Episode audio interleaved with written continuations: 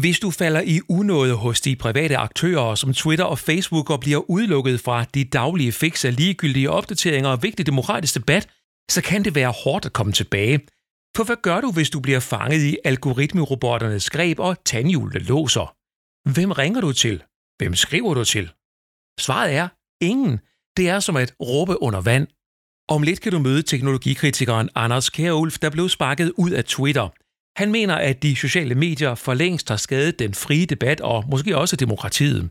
Der er noget grundlæggende galt med vores sociale medier, når, når adgangen til dem og hvad man har lov til at skrive, det styres af robotter og algoritmer, og der ikke er nogen mennesker, man kan klage til. At det synes jeg grundlæggende er helt vildt forkert. Vi står og taler til sådan en alvidende limsten, som aldrig svarer en, og som, som bare sådan gør et eller andet lidt tilfældigt, som vi ikke rigtig forstår. Du kommer også i den her episode tæt på Samsungs nyeste hjemmeprojekter.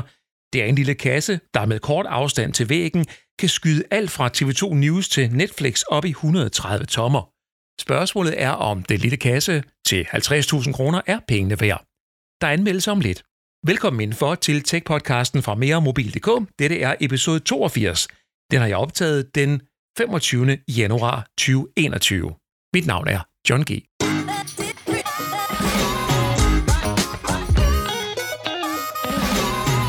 Og hvis du er en af de faste lyttere her på podcasten, så vil jeg gerne punkt nummer et sige tusind tak, fordi du lytter med.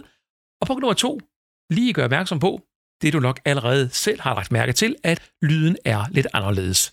Der er en ny lydprofil. Jeg synes, at profilen fra 2013 efterhånden trængte til en udskiftning. Så nu lyder den altså en lille smule anderledes fremover podcasten her, men indholdsprofilen og verden er stadigvæk den samme. Det første, jeg slår ned på nu, det er et land, der er lukket ned, og det betyder selvfølgelig, at der er rigtig mange, der skal arbejde hjemmefra. Det gør jeg også selv i øvrigt, der står her ved mit skrivebord og taler til dig lige nu. Men øh, der er mange, der er samtidig med det der med at arbejde hjemmefra, der bøvler med internetforbindelsen. Den er ikke nødvendigvis gearet til den belastning, som den bliver udsat for lige nu med så mange hjemme på én gang, og det trækker jo en hel masse båndbredde. Hvis du har problemer med nettet, så skal du ikke nødvendigvis opgradere hastigheden. Efter al sandsynlighed, så kan du selv løse de fleste af problemerne, du har med internettet. Det der med at opgradere hastigheden, det løser kun i sjældne tilfælde problemerne. Her er et par gode råd til dig, der arbejder hjemmefra. Punkt nummer 1. Tjek forbindelsen via et kabel. Du tager din computer, en af nyere dato, og sætter direkte til routeren fra din internetudbyder med et kabel. Så kører du en hastighedstest via den site, der hedder speedtest.net. Du skal lige huske først at lukke alt ned, hvad der bruger internet i huset, så du får en retvisende måling. Og den computer, som du tester på, skal du selvfølgelig også lige sørge for at ikke køre en masse i baggrunden. Nå, men hastigheden her, den skal svare nogenlunde til, hvad du betaler for hos din udbyder. Har du eksempelvis en 100 megabit forbindelse, så skal hastigheden på den kablede forbindelse, du måler, ligge fra 80 til 100 megabit i sekundet. Tjek også pingtiden, det er også hedder svartiden. Den vil typisk ligge fra 1 til 40 millisekunder. Hvis din pengetid den er 100 millisekunder eller over, og hastigheden ikke svarer helt til, hvad du betaler for, så kan det indikere, at forbindelsen har en fejl. Og i det tilfælde skal du kontakte din internetudbyder og bede dem om at tjekke forbindelsen. Der kan også ligge en fejl i routeren fra udbyderen, eller den kan være af meget gammel dato. Kør den her test nogle gange for at få bekræftet de data, som du får på din skærm. Punkt nummer to. Nu skal du i gang med den trådløse test. Mens alt, du øh, har gang i på nettet, er lukket ned, ja, så kører du appen Speedtest fra din smartphone eller tablet igen af nyere dato. Hastigheden den vil være langsommere, end når du tester med et kabel. Med en nyere smartphone vil du via Wi-Fi, når du står ved siden af routeren, kunne måle 80-90 megabit på en 100 megabit forbindelse. Selvom du har 500 megabit eller 1000 megabit, så vil du ofte kun måle mellem 100 og 300 megabit trådløst. Det skyldes ikke, at forbindelsen er i stykker. Det skyldes selve routeren og din telefon. Det er dem, der er flaskehalsene. Tjek også pingtiden her. Den skal fortsat være nogenlunde fornuftig, så lav som muligt. Er den for eksempel 100 millisekunder eller højere, så kan der være et problem. Kontroller bagefter med appen hastigheden forskellige steder i huset. Er hastigheden høj ved siden af routeren og lav et andet sted i huset, ja, så hjælper det ikke at opgradere netforbindelsen fra din udbyder. Og det er også sådan med trådløse forbindelser, at jo længere du bevæger dig væk fra routeren, jo lavere bliver hastigheden, og i de fleste tilfælde så vil pingtiden også forøges. Punkt nummer 3 er placeringen. Har du tænkt over, hvor routeren til internettet er placeret? Wi-Fi det er radiobølger, og de må ikke blokeres, i hvert fald ikke, hvis det skal fungere ordentligt, og derfor så må du ikke placere routeren i husets fjerneste hjørne eller i en kælder. Heller ikke selvom det er der, at hovedforbindelsen kommer ind i dit hus. Routeren den skal placeres centralt i hjemmet, og hvis du ikke har kablet fra internetudbyderen et centralt sted i huset, så må du simpelthen forlænge kablet fra hoveddåsen og efterfølgende flytte routeren. En god internetforbindelse på hjemmearbejdspladsen og i boligen generelt handler ikke om, hvor hurtig forbindelsen er. Det er selvfølgelig også en faktor, men hastigheden det er kun et af flere elementer, der skal spille sammen. Hvis din router ikke står centralt, ja, så kan du opgradere hastigheden nok så meget, uden at det hjælper noget som helst. Udstyret er faktisk endnu vigtigere end selve internethastigheden, og endnu vigtigere igen er selvfølgelig placeringen. I show notes til den her episode, der linker jeg til den komplette guide, som jeg har omtalt her. Adressen er meremobil.dk-podcast. Når nu din netforbindelse spiller max derhjemme, så er det næste, der skal have en tur måske tv'et i stuen.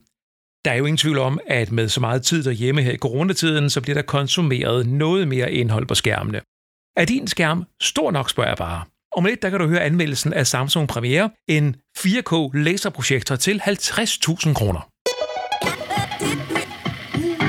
Når en amerikansk præsident bandlyses fra sociale medier, så trækker det store overskrifter. Knap så stor opmærksomhed fik Anders Kjærulf, der uden varsel blev udelukket fra Twitter. Godt og vel 5.000 følgere må se langt efter opdateringer fra at Kjærulf, og Anders må det selv finde sig noget andet at gå op i. Men Anders er ikke bare en aktiv Twitter-bruger, han er også aktiv journalist, der interesserer sig for privatliv på nettet og datasikkerhed, samt hvordan store firmaer agerer. Og en ting er at lægge sig ud med en siddende præsident, en anden ting er at lægge sig ud med en kritisk journalist, der endda er teknologikritiker. Velkommen til dig, Anders Kjælf. Tak skal du have. Hvad gjorde du af indsats for at blive udelukket fra Twitter? Jeg mener faktisk ikke, at jeg har gjort noget som helst. Øh, hvad hedder det? Og jeg har i hvert fald ikke gjort nær så meget, som Donald Trump har gjort. Øh, hvad hedder det? Og, og det er jo også super interessant, at Donald Trump er blevet kylet ud på den måde, han er først en uge før han decideret forlader posten, så Twitter stadigvæk har kunne tjene penge på den enorme trafik, han har leveret på Twitter. Øh, men jeg har ikke umiddelbart gjort noget som helst øh, for at blive kylet ud selv. Jeg har stadigvæk ikke fået noget svar på, hvad der er sket. Det skete lige før jul, det var den 14. december, og lige pludselig så holdt min konto op med at respondere. Den eneste mulige forklaring, jeg kan komme i tanke om, det er, at Twitter måske har en algoritme, der søger på noget med covid, som den er ekstra mistænksom overfor. Øh, jeg retweetede et tweet fra en amerikansk videnskabsjournalist, der hedder Laurie Garrett, øh, som generelt er meget velrespekteret worldwide, og som ikke på nogen måde bedriver hverken nogen former for fake news eller noget som helst, hvor hun fortalte historien om et, øh, et belgisk plejehjem, hvor der havde været en julemand på besøg, sammen med nogle nisser, eller folk, der var klædt ud som nisser. Øh, og den julemand og det nissebesøg, det medførte 75 nye covid-tilfælde på plejehjem, fordi at julemanden var covid-19 positiv. Og den, videre, den retweetede jeg med nogle hashtags, der hed, det bliver aldrig jul igen, øh, og et andet, der hed, men det bliver godt igen, ikke. Øh, og det var øh, sådan set det, jeg har skrevet. Og den, den kan, det er muligt, at den har reageret på noget med, den har måske lavet noget autooversættelse af de her hashtags, få noget andet ud af det, det ved jeg ikke noget om. Men det var efter det, at min konto pludselig var frosset, og jeg ikke kunne komme ind. Og hvad gjorde du så? Jamen, så, øh, så, så kom den først op med, at jeg skulle logge ind igen. De skulle bekræfte min, min identitet. Den, den sagde ikke andet, den var, den var bare frossen, og så kom den op og sagde, at jeg skal bekræfte min identitet. Øh, og det skal jeg gøre ved at, at bekræfte, at jeg har det her telefonnummer, og det, det har jeg også. Og så, så, så plejer der at komme en sms, når, når den ligesom har de her tanker, eller den begynder at blive shaky.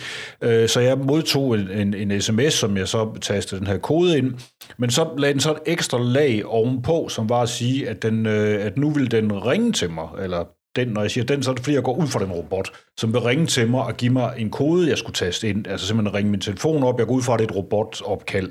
Øh, øh, hvad hedder det? Og når jeg siger gå ud fra, så er det fordi, at det her opkald kom simpelthen aldrig. Jeg fik ikke noget opkald. Øh, så havde jeg mulighed for at trykke på knappen igen og sige, hvis jeg ikke har modtaget et opkald, så prøv igen. Det gjorde jeg så øh, en hel del gange med passende øh, venteperioder imellem. Øh, til sidst så fik jeg at vide, at nu kan jeg ikke prøve mere før om 24 timer. Og så tænker jeg, det er noget underligt noget, det her. Øh, hvor, hvorfor ringer de ikke? Fordi det telefonnummer, der står opgivet på min Twitter-konto, er korrekt. Øh, min e-mail er også korrekt, og jeg hørte simpelthen ingenting. Øh, hvorefter jeg så gik ind og siger, hvad kan jeg så gøre? Jamen, jeg kan, der er noget support her, jeg kan gå ind og bede om at spørge, hvorfor min konto er lukket ned et eller andet halvøj. Så det gik jeg så ind og skrev en klage, altså skrev, jeg kan ikke forstå, at min konto er lukket ned, kan I ikke øh, vende tilbage til mig, og mit telefonnummer er her, og min mail er her, og jeg gjorde alt det rigtige. Jeg fik et robotsvar tilbage om, at de har modtaget det her, og de ville vende tilbage. Det gjorde de heller ikke. Og så bliver jeg ved med at prøve sådan hen over de nærmeste dage, og bliver ved med at sidde fast i det her loop af ting, hvor jeg øh, henholdsvis øh, skulle bekræfte et telefonnummer via en, øh, et opkald, som aldrig kom. Og så, øh, så var det jo jul, og, og så var jeg mellem jul og nytår, og så tænkte jeg egentlig, at nu op i røven, nu kan jeg godt klare mig uden Twitter. Det går egentlig meget godt. Øh, jeg hygger mig faktisk fint med det. Øh, og, og så, så må jeg se ad, om, om der ikke sker et eller andet med den klage. Jeg forsøgte at sende en ny klage, der fik jeg at vide, at jeg allerede havde en inden. Øh, jeg havde også haft skrevet til deres Twitter support og til deres presseafdeling. Øh, de har en specifik presseafdeling, og jeg har fundet frem til navnet på hende, der arbejdede inden for deres presseafdeling, som var leder af den, som jeg fik, fik at vide var venlig stemt over for journalister, og hende havde skrevet til, og der havde jeg også kun fået robotsvar. Øh, så jeg tænkte, nu kan jeg gøre mere, og så er der ikke noget, og måske er det et tegn for himlen om, at jeg skal da være med at spille tid på det sociale medie, og hvis de er så snot åndssvage, at det ikke virker på den her måde, så kan jeg faktisk også godt klare uden dem. Jeg læste på prosa.dk, skrev du et blogindlæg, hvor du beskrev det som, at du sad fast i robotternes greb med låste tandhjul. Er det den her autoproces, du her beskriver? Ja, det er den, jeg beskriver. Det er den, hvor, hvor man, altså de beder mig om, at jeg skal vente på at få et opkald, men jeg får ikke noget opkald. Og det vil sige, at tandhjulen har sat sig fast der. Der er i hvert fald en robot, der ikke taler med en anden. Altså muligvis den robot, der skulle ringe mig op. Øh, den kommer ikke til at tale med mig.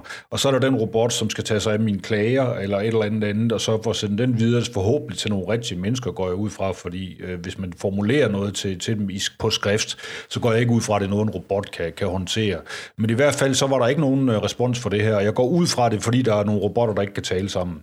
Det kan der være grund til. Altså den dag, hvor jeg øh, den 14. december øh, Øh, den vil for nogen, øh, der er, at lytterne til din podcast, kan måske huske, at der har været en hel del ballade med øh, netop, øh, hvad hedder det, internettet den dag, den 14. december, fordi Google øh, var nede sådan rigtig big time. Altså, de var helt i knæ. De, deres services virkede ikke. Folk kunne ikke få Gmails, kalenderne gik ned, øh, alt det andet. Og der var der pludselig, i hvert fald netop på samme Twitter, der, den dag, der var der simpelthen det ene tweet efter det andet om, at Google var gået ned. Og Google er jo som bekendt en stor del af internettets infrastruktur. Øh, og hvis de går ned, så begynder alting at stå og ryste. Men altså generelt, så var der fornemmelsen, som dagene gik, at jeg sad fast i det her robotloop. Der var ikke noget, der flyttede sig. Og uanset hvordan jeg prøvede på at skubbe til det, jamen, så fik jeg bare flere robotter i hovedet, og der var ikke nogen mennesker overhovedet nogen steder. Dem, jeg kender, som øh, opretter et Apple ID eller en Gmail, de kan huske adgangskoden til længere, de laver bare den der, så opretter vi bare en ny. Kunne du ikke bare have oprettet dig en ny øh, Twitter-profil? Ja, det, det synes jeg jo var, altså for det første, hvis jeg opretter en ny Twitter-profil, så vil jeg have mistet mine følgere. Øh, og en af grunden til, at jeg bruger Twitter, eller har brugt Twitter, det er jo fordi, at øh, jeg godt kan lide at, at smide nogle ting ud til debat, og jeg gerne vil påvirke nogle folk. Hvis jeg ikke kan få min konto tilbage, så er jeg ikke interesseret i at være der igen øh, i forhold til det her sociale medier. Det, det vil virke latterligt og jo ekstremt defensivt fra min side at starte igen på en ny. Og så, så, var det åben, så havde jeg bare tænkt på det som, sige, om det er så skæbnen, at øh, jeg ikke skal være der, hvis det var sådan. Men så fik jeg jo så nok og kom så til at skrive det der debatindlæg i stedet for. Og så skete der noget, eller hvad? Ja, det absurde var så, at jeg så i virkeligheden skrev det her debatindlæg som en form for farvel til Twitter. Det var sådan, jeg havde det i mit hoved, hvor jeg sagde, jeg havde lyst til at bare sige, at det, der, der er noget grundlæggende galt med vores sociale medier, når, når adgangen til dem og hvad man har lov til at skrive, det styres af robotter og algoritmer, og der ikke er nogen mennesker, man kan klage til. At det synes jeg grundlæggende er helt vildt forkert. Øh, hvilket for mig er en udmærket grund til at forlade et sted, hvis det er sådan på den der måde.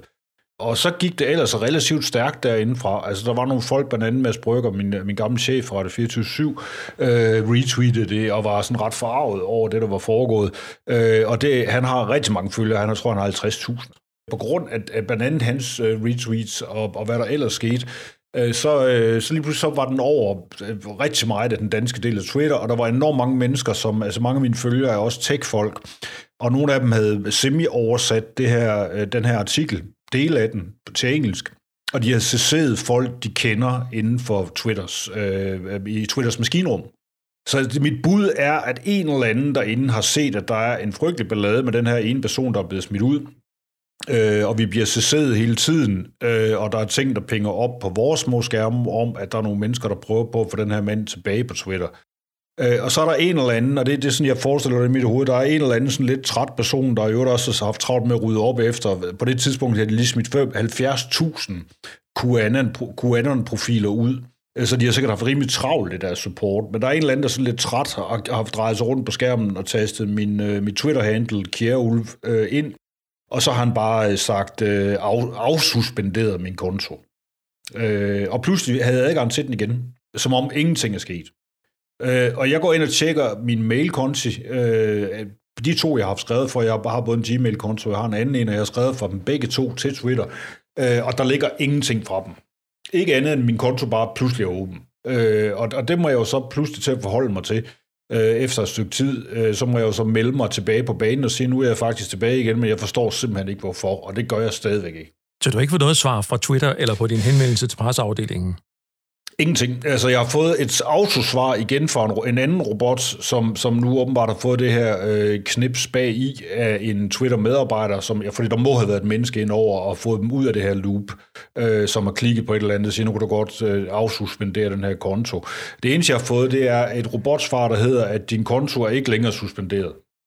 Det er et helt centralt problem i vores forhold til de her sociale medier, vi bruger relativt meget tid på, rigtig mange af os danskere, at, at, at vi simpelthen, øh, at vi står og taler til sådan en alvidende limsten, som aldrig svarer en, og som, som bare sådan gør et eller andet lidt tilfældigt, som vi ikke rigtig forstår. Og vi kan ikke få noget svar på det. Jeg havde selv øh, for et par år siden, Anders, en sag, der mindede lidt om, øh, om din. Det var dog bare på YouTube, hvor jeg også blev fanget i et eller andet øh, login-loop, hvor jeg ikke længere fik adgang til min konto, og alting forsvandt osv.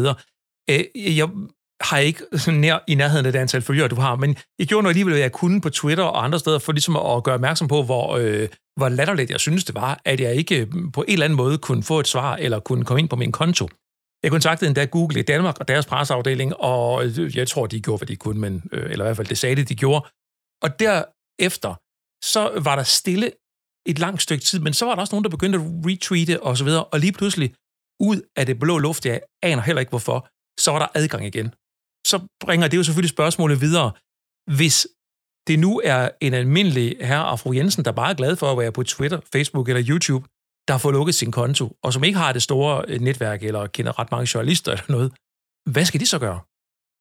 Ja, det er jo så det store. Det er jo et andet demokratisk problem i den her samling. Altså den, den helt tydelige grund til, at jeg kom tilbage, det er jo øh, fordi, at, at der ligger pres fra journalister, og der ligger pres fra, fra folk, de kan se, øh, betyder et eller andet i det her samfund, ikke? altså i Danmark, som de sikkert set fra deres synsvinkel jo bare en eller anden underlig lille vasalstat, ikke? Med, med, med et minimalt areal. Men, men jeg tror, de har tænkt, at det, det var nok den rigtige måde at gøre det på.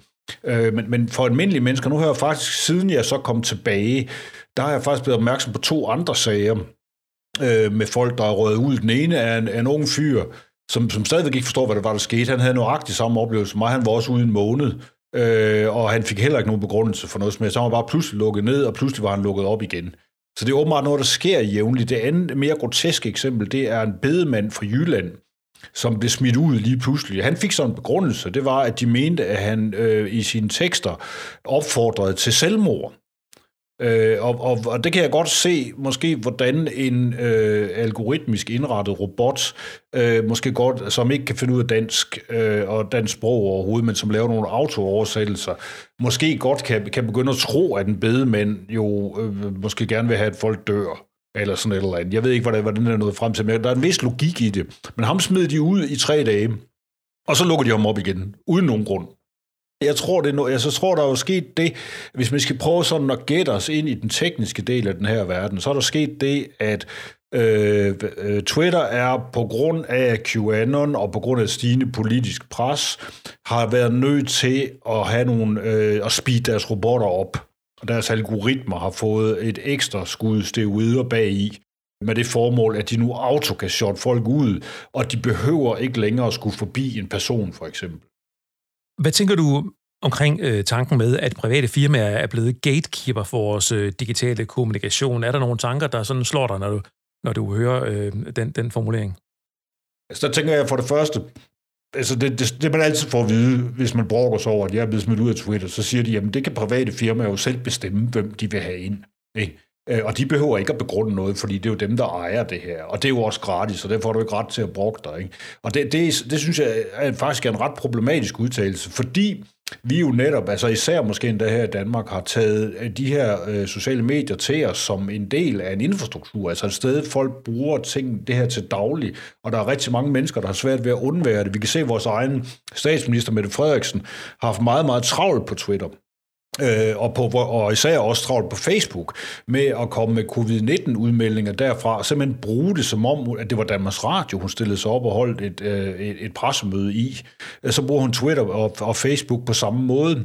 Øh, og, og det synes jeg er enormt risikabelt, øh, og enormt vildt, at øh, vores egne ledere øh, bruger de her medier, som jo altså er øh, amerikanske eget overvågningskapitalistiske platforme, som lever af at plønne folk for data. Man kan sige lidt, at sådan en som Mette Frederiksen, hun agerer pusher eller Alfons for at lukke folk ind i det her øh, øh, cirkus, hvor man bliver plønder for sine data for at få lov til at sidde og sige noget. Så jeg synes, det er dybt problematisk. Anders, hvordan har du det med Twitter i dag? Dobbelt. Altså, jeg synes stadigvæk, det er sjovt at være derinde. Jeg er meget glad for at se de af mine venner, som jeg har kontakt med via Twitter, øh, at jeg kan tale med dem igen. Derfor er jeg selvfølgelig glad for at komme tilbage.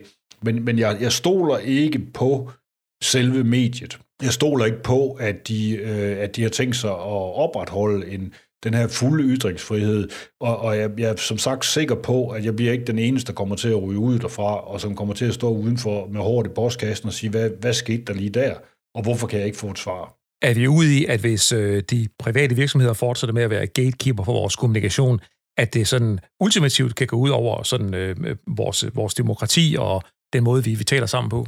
Altså, det er jo helt tydeligt, hvis man kigger over det politiske øh, landskab på nuværende tidspunkt, at det allerede går ud over vores demokrati. Altså, det, det, det er sket for længe siden.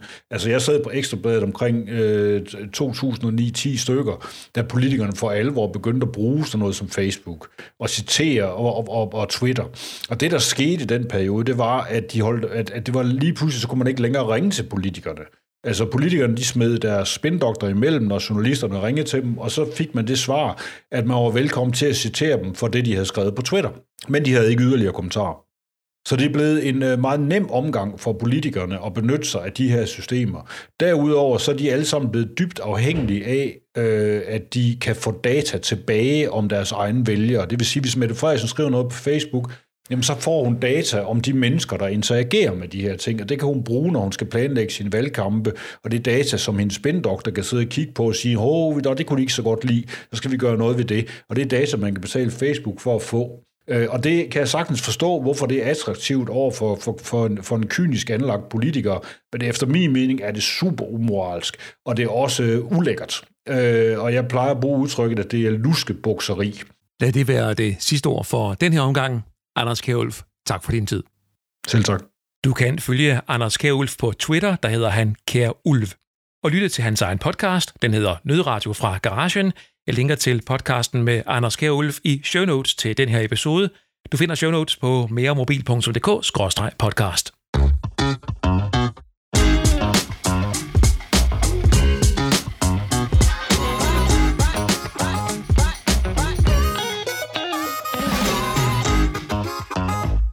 godt tænke dig et rigtig stort billede til film og serie hjemme i stuen, så er det her måske et produkt, du skal overveje. Jeg har talt med Heine Jørgensen, og Heine her, han er tech-redaktør på Ekstrabladet. Han har over en periode beklædt sin væg i stuen med billedet fra en Samsung 4K-projektor. Jeg forstår, at du har klistret hele din øh, væg til med 100 tommer plus med et stort billede fra noget Samsung-teknik. Prøv lige at fortælle, hvad det er, du har hængt op. Du har fuldstændig ret i, at øh, skærmene kan nærmest ikke blive store nok. Øh, på et tidspunkt, så var det vel 55 tommer, vi talte om, at der var standarden, og nu kan vi jo se, at der både bliver solgt øh, 75 og 85 tommer, måske endda ude i den lokale Bilka. Og jeg vil, jeg, jeg vil sige, når man siger projekter, så kunne jeg måske godt tænke lidt den her gode gamle, der står og suser helt vildt med en enkelt lampe, der springer, eller en pære, der springer hele tiden. Men det Samsung har lavet her, det kan man sige, det er sådan laserprojekter, som ikke nok med, at man kan hænge den i loftet, hvis man har lyst til det. Man kan også placere den på bordet, og så kan den meget, meget tæt på væggen skyde et øh, billede op på op til 130 øh, øh, øh, tommer. Så det, det er helt vildt. Men laserprojektor, hvad, hvad betyder det i forhold til en, en lampeprojektor? Man kan sige, at øh, laseren i den her sammenhæng er jo egentlig, at de har simpelthen har skilt øh, de tre øh, bærende farver fra hinanden, og nu skal man ikke forestille sig, at der sådan er et laserlys, der laver huller i væggen, men, men man kan sige, med, med brug af laserteknologi, jamen så, så kan man meget mere avanceret, end man kan med en normal pære, skille de her farver ad, sætte dem sammen, og ikke mindst sørge for, at billedet bliver skarpt. Vi taler altså om en projekter, som ifølge Samsung, og det vil jeg give dem ret i, faktisk viser billeder i højkvalitets 4K. Det, det virker helt forrygende, det må jeg sige. Og så er der det her med, at øh, du var lidt inde på det, men det her med, at den ikke skal nødvendigvis hænges op i loftet, men kan stå relativt tæt på væggen, forstår jeg. Ja, så Samsung selv siger, at man kan komme øh, helt ned til 11 cm øh, fra øh, væggen. Man skal huske afstanden, når man øh, sætter den her projekter øh, øh, ned. Man skal forestille sig normalt, så vil den jo vende ned af billedet, vil ligesom blive skudt hen. Men hvis man vender den om og stiller den øh, ned på de her fødder, der er, øh, jamen så afhængig af afstanden til væggen, øh, jo længere du kommer ud fra væggen, jo større bliver billedet, jo tættere du øh, kommer på, eller omvendt, jeg kan huske, hvad vej det vender. Men afstanden til væggen har i hvert fald betydning for, hvor, øh, hvor stort øh, billedet på væggen er. Men det er ligesom ideen. Man skal nærmest forestille sig sådan en ordentlig kasse, der, øh, der står på det her bord, og som ikke nok med, at det er en projektor, så er det også et smart-tv og en højtaler på samme tid. Så det er, det er reelt et fjernsyn, men som bare du kan skyde op på væggen. Hvad har du af væg? Har du hængt et lærred op, eller har du et eller andet øh, rotex-tapet, eller sådan noget øh, filt, eller hvad, hvad, har du, hvad har du at skyde på? Man, man kan sige, at jeg har øh, udsat det her produkt for den ondeste behandling. Jeg skyder det simpelthen bare direkte op på, på væggen her, og det er ovenikøbet et lokale, hvor at der er masser af lys øh, øh, fra, fra alle øh, sider. Øh, og der er ingen tvivl om, du har selvfølgelig ret, man skal have et lærred. Altså hvis man betaler prisen for det her produkt, som er 50.000 kroner, så klart, så skal man selvfølgelig investere i et lærred. Øh, ja, det er en fuldstændig vanvittig øh, pris. Selv, i, selv et, et godt fjernsyn kan du godt få for langt mindre end det. Men, men jeg vil sige, det her er jo også lavet til dem, som vil noget ekstra. Måske dem, der ikke gider have en stor skærm stående. Den her projekter kan du i princippet jo sætte ind i et lille hul i, i dit bord, der kan køre op og ned, altså hvis man øh, gør sig en, en lille smule øh, fifi. Øhm, og så kan man sige, at det, det her med, at det, det samtidig jo er et smart tv, øh, som kan Netflix, kan alle mulige ting, endda har en højt, øh, udmærket højtaler i. Det er, det, det, er et helt, øh, det er et helt specielt produkt, men uden, en, øh, kan man sige, uden et lærred bagved, så giver det ikke rigtig mening. Når det er sagt, altså selv på en ru, øh, ru væg, øh, bortset fra at skyerne bliver ret hvide, når det er direkte på sådan et, et, et ru, ru stykke tapet, så vil jeg sige, så er billedet helt fantastisk. Øh, jeg er meget imponeret. Har du en fornemmelse af, om den her kategori er en øh, prisfølsom kategori, forstået på den måde? Er, er, det, er det ligesom med Samsung-telefoner og tv generelt, at det dropper i, i pris sådan hen over en periode, eller er det sådan et produkt, man køber til 50.000, og så koster det også 50.000 om 6 og om 12 måneder?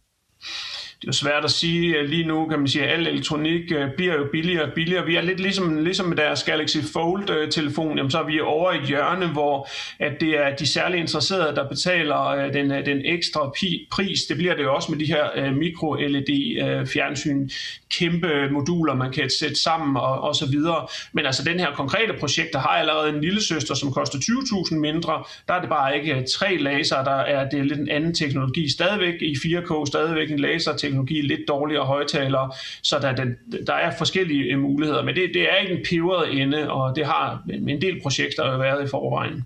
Når du skal stramme det hele op til øh, at skrive et øh, lækkert lille skriv på øh, ekstrabladet.dk eller i den øh, printede avis, hvad øh, ender du så med at konkludere? Det er jo øh, lidt som jeg sagde før, at, øh, at vi, vi ser, at de store skærme, de, øh, de vokser. Øh, der sker en masse lige nu med øh, coronanedlukning, hvor folk jo hverken kommer i biografen eller kommer til sportsbegivenheder. Og der kan man sige, at der er folk, der har både penge og pladsen til øh, at skabe de her nærmest biograflignende oplevelser. Øh, og, øh, og, og med et, et produkt som det her, jamen, så begynder vi også at, at nærme os noget, selvfølgelig til en forholdsvis høj pris, men øh, som godt kan matche det, som vi, øh, som, vi, som vi ser, når vi er i biografen for eksempel. Så, så det er noget helt særligt, helt for sig selv, øh, og godt lavet, det må jeg sige. Og når et produkt er helt særligt og helt for sig selv, og nærmest en en egen kategori. Så det er også svært at give dem stjerner. Har du en, en stjerne i hovedet til den her projektor? Jamen nu kan man sige, at øh, den indgang, vi normalt har til produkter, det er, hvis at de, er, de er dyre, øh, så koster det typisk på, på stjernerne, medmindre at der er en særlig grund til, at øh, et produkt er dyrt. Øh, så vi kommer helt klart i den høje ende her, om det er 5 eller 6, det ved jeg ikke endnu. Men, øh, men jeg vil sige, at man skal nok øh, tage stjernerne som vejledende, og så skal man læse det, der står. Øh, fordi selv noget, der har fået et par pænere stjerner, kan der også være nogle forbehold, øh, som er værd at tage med. Jeg er meget enig. Øh, husk at læse teksten, og ikke kun øh, stjernerne, for der er rigtig meget andet end den der opsummering i, øh, i nogle små stjerner og karakterer, som jo ikke altid giver så meget mening eller så meget indsigt, som selv teksten gør. Men øh, det er vi heldigvis enige om, vi to i Heine. Øh, så øh, tak for indblik i øh, det her, eller udsyn i det her projektorunivers, øh, og, og held og lykke med produktet derhjemme, og så tak fordi I har tid til at være med. Selv tak. På min YouTube-kanal ligger der en video, hvor du kan se indslaget her, du netop har hørt, og få flere billeder på, hvad Samsung Premiere er for noget. Søg efter meremobil.dk på YouTube. Hvis man går projektorvejen i stedet for en skærm på væggen, så giver det pludselig mange nye muligheder i boligindretningen. Og du kan få tips til, hvordan du indretter din bolig med gadgets og højtalere og tv-skærme, uden at det ødelægger selve indretningen af dit hjem. Lyt til episode 81 af min podcast, hvor jeg har en spændende samtale med indretningseksperten Michael Schmidt. Jeg har for eksempel i et par år brugt øh, det ganske simple trick, at øh, jeg har stablet en masse bøger og magasiner ved siden af øh, mit øh, tv-bord og det tv, der stod der på, og de skjulte sig bare helt naturligt, let og elegant stikkontakten og ledningerne, som går fra fjernsynet til stikkontakten. Du finder hele interviewet med indretningsekspert Michael Schmidt i episode nummer 81 af Tech-podcasten fra meremobil.dk. Nu er det blot tilbage og opfordrer til, at du finder mere mobil på Instagram, hvor du er meget velkommen til at følge med, og du kan også søge efter min personlige Instagram-profil, den hedder johng.dk. Og hvis du ikke vil sidde og trykke opdatere hele tiden på siden på nettet, ja, så kan du tilmelde dig mit gratis nyhedsbrev med nyhedsopdateringer på mail. De kommer to gange om ugen, onsdag og lørdag. Join the club, som man ser på meremobil.dk-nyhedsbrev. Jeg håber, du kunne lide podcasten her. Jeg håber, du kunne lide den nye lydprofil. Tusind tak, fordi du lyttede med. Jeg hedder John G. Ha' det godt.